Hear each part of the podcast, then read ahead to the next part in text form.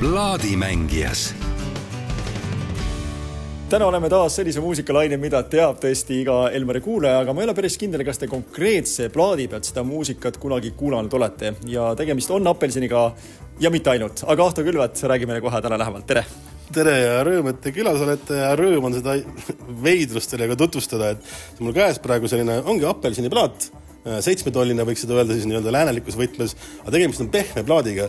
ehk see on siis fleksiplaat, mis siis Nõukogude Liidus hästi palju tehti neid ja see on selline suurepärane fleksiplaat, mille ühel küljel on apelsin, aga teisel küljel on Boni M kujutad ette selline asi nagu Boni M ja apelsini split nagu noh, et see on nagu, see juba tekitab segadust. see plaat on väljendatud kusjuures tuhande üheksasaja seitsmekümne üheksandal aastal ja tiraaž oli meeletu. seda on vähemalt kümme erinevat pressi ja kui te nüüd seda pilti vaatate Facebookist või kuskilt juurde, siis siin on näha, et siin on selline pruuni ümbrusega pilt. ainult oli sinise ümbrusega, punase ümbrusega, musta ümbrusega ja ka plaadid, mis seal vahele käisid või selle sinised, punased, kollased, läbipaistvad või valged. ja selline täielik nagu noh, selline äh, tsirkus põhimõtteliselt jah, nii võikski öelda ja aga, ja siis see plaat jah, seitsekümmend üheksa aastat, tegelikult päris huvitav onju.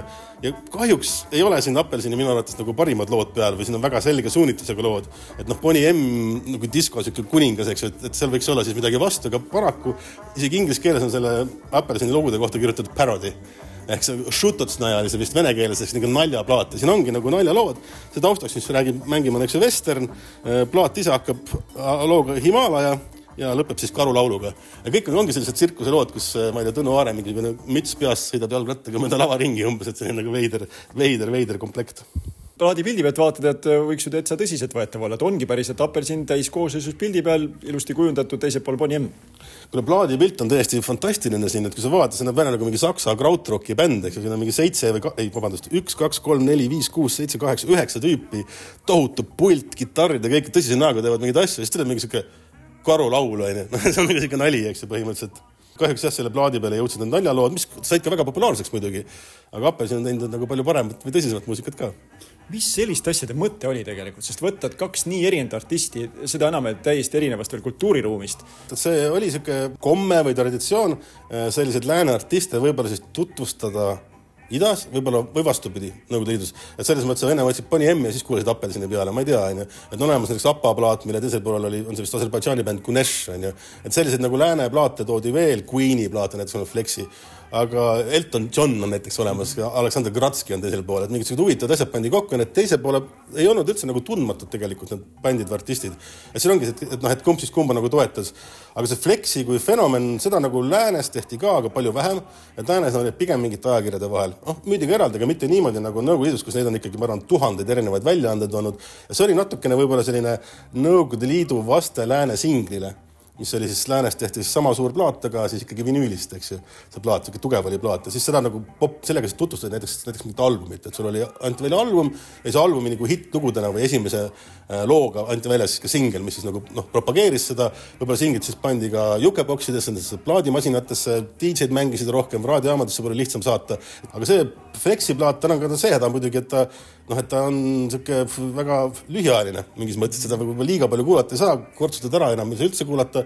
Äh, kuskil plaadi peal ma nägin, oli kirjutatud, et plaat on mõeldud äh, viiekümnekordseks kuulamiseks. ehk siis ta, ja noh, ta oli ka mono, et ta kvaliteet ei ole üldse nagu hea, et väga kõvasti seda kuulata ei saa, aga noh, kodus mingi niisuguse nagu ütleme, seitsmekümnendate lõppu mingi suvalise Nõukogude grammofoniga käis käras küll ja mis on ka huvitav, et ometigi seda lääne kultuuri ju siia tol hetkel väga ei tahetud. Ja palun väga, pandi plaadi peale Bonnie M, pandi Elton John, pandi Queen ja jagati seda koos Nõukogude Liidu artistidega et mina ei oska nende inimeste pea sisse vaadata, ma ei tea, miks see Bonnie M nagu, see on, see on veel eriti veider, et nagu ta on, peaks nagu siukest kapitalistlikku roiskumist nagu kõige rohkem nagu näitama, onju. et Queen'i teisipidi jälle on nagu siuke nagu noh, võib-olla kõrgkultuur selle kohta öelda, aga popmuusika mõistes küll, onju. et täiesti nagu servas serva, et seal kuskil Moskvas olid siis mingisugused otsustajad ja seda ma tahaks nende pea sisse näha, kes siis nagu otsustasid, et aga seitsekümmend üheksa, noh, Bonnie M siis onju. et aga, aga kust see tuleb või noh, samad vennad, kes siis kaheksakümne kaheksandal aastal näiteks andsid välja Arhiiv populaarne muusikasarja, kus oli esimene oli Doorsi kogumik, nad ise panid selle kogumiku kokku, keegi Moskvas otsustas mitte nagu Doorsi öelnud, onju. samamoodi ka siin, ma ei kujuta ette, kas Bonnie M-il oli siin üldse midagi otsustada, et kellega teisel poolel ta on või, või mis lugusid sinna peale pealt üldse pannakse kuigi teistpidi noh, vaevalt, et tol hetkel sellele nii väga mõeldi, aga kui sattus mõni välismaalane Nõukogude Liitu, viis selle plaadi koju, vaadates, et oo, Bonnie M-i ma tean küll, siis ta avastas enda jaoks ka ju seal Apelsini või mõne teise meie ansambli. jaa, absoluutselt, et ikka pigemik olla sellise plaadi peal, et see ei ole isegi küsimust. aga kusjuures seda võib muidugi ka mõningaid eraldi vaadata, et neid Eesti artiste nende flexide peal on tegelikult, ma arvan, kümmekond plaati ma mõtlen küll välja, Voldemar Kuslapist kuni siis Anne Veskini tegelikult, et neid on päris palju, aga nad on ilmunud nagu erinevate ajakirjade vahel või siis nagu eraldi väljaannetena, et see on niisugune täiesti eraldi teema. nii et avastamist veel jätkub ja kuulame muusikat, aitäh! Dingi dingi dingi, ha ha ha, dingi dingi brr, Himalaja.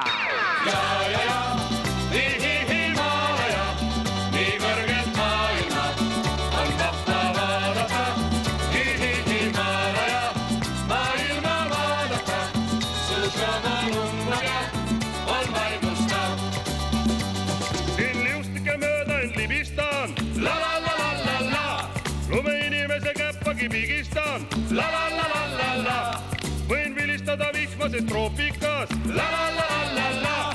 Ja suppi võin süüa subtroopikas, la la la la la la, tõusta tooli para-para, poisid püüdsid para-para, mida seal veel, paravan teel, ei ole parata.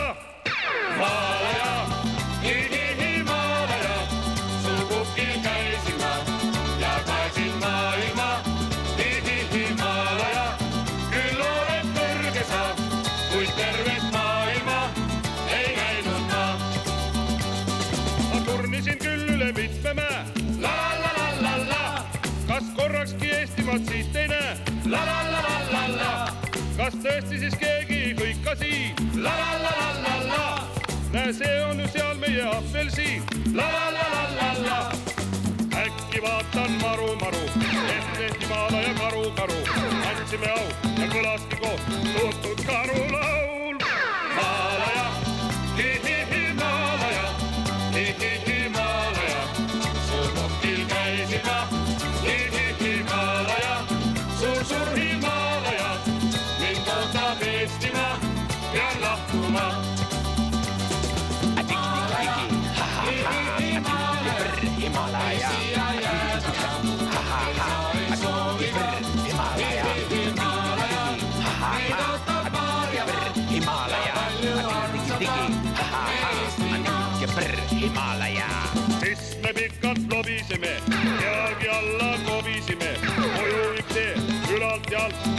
Ülalt ja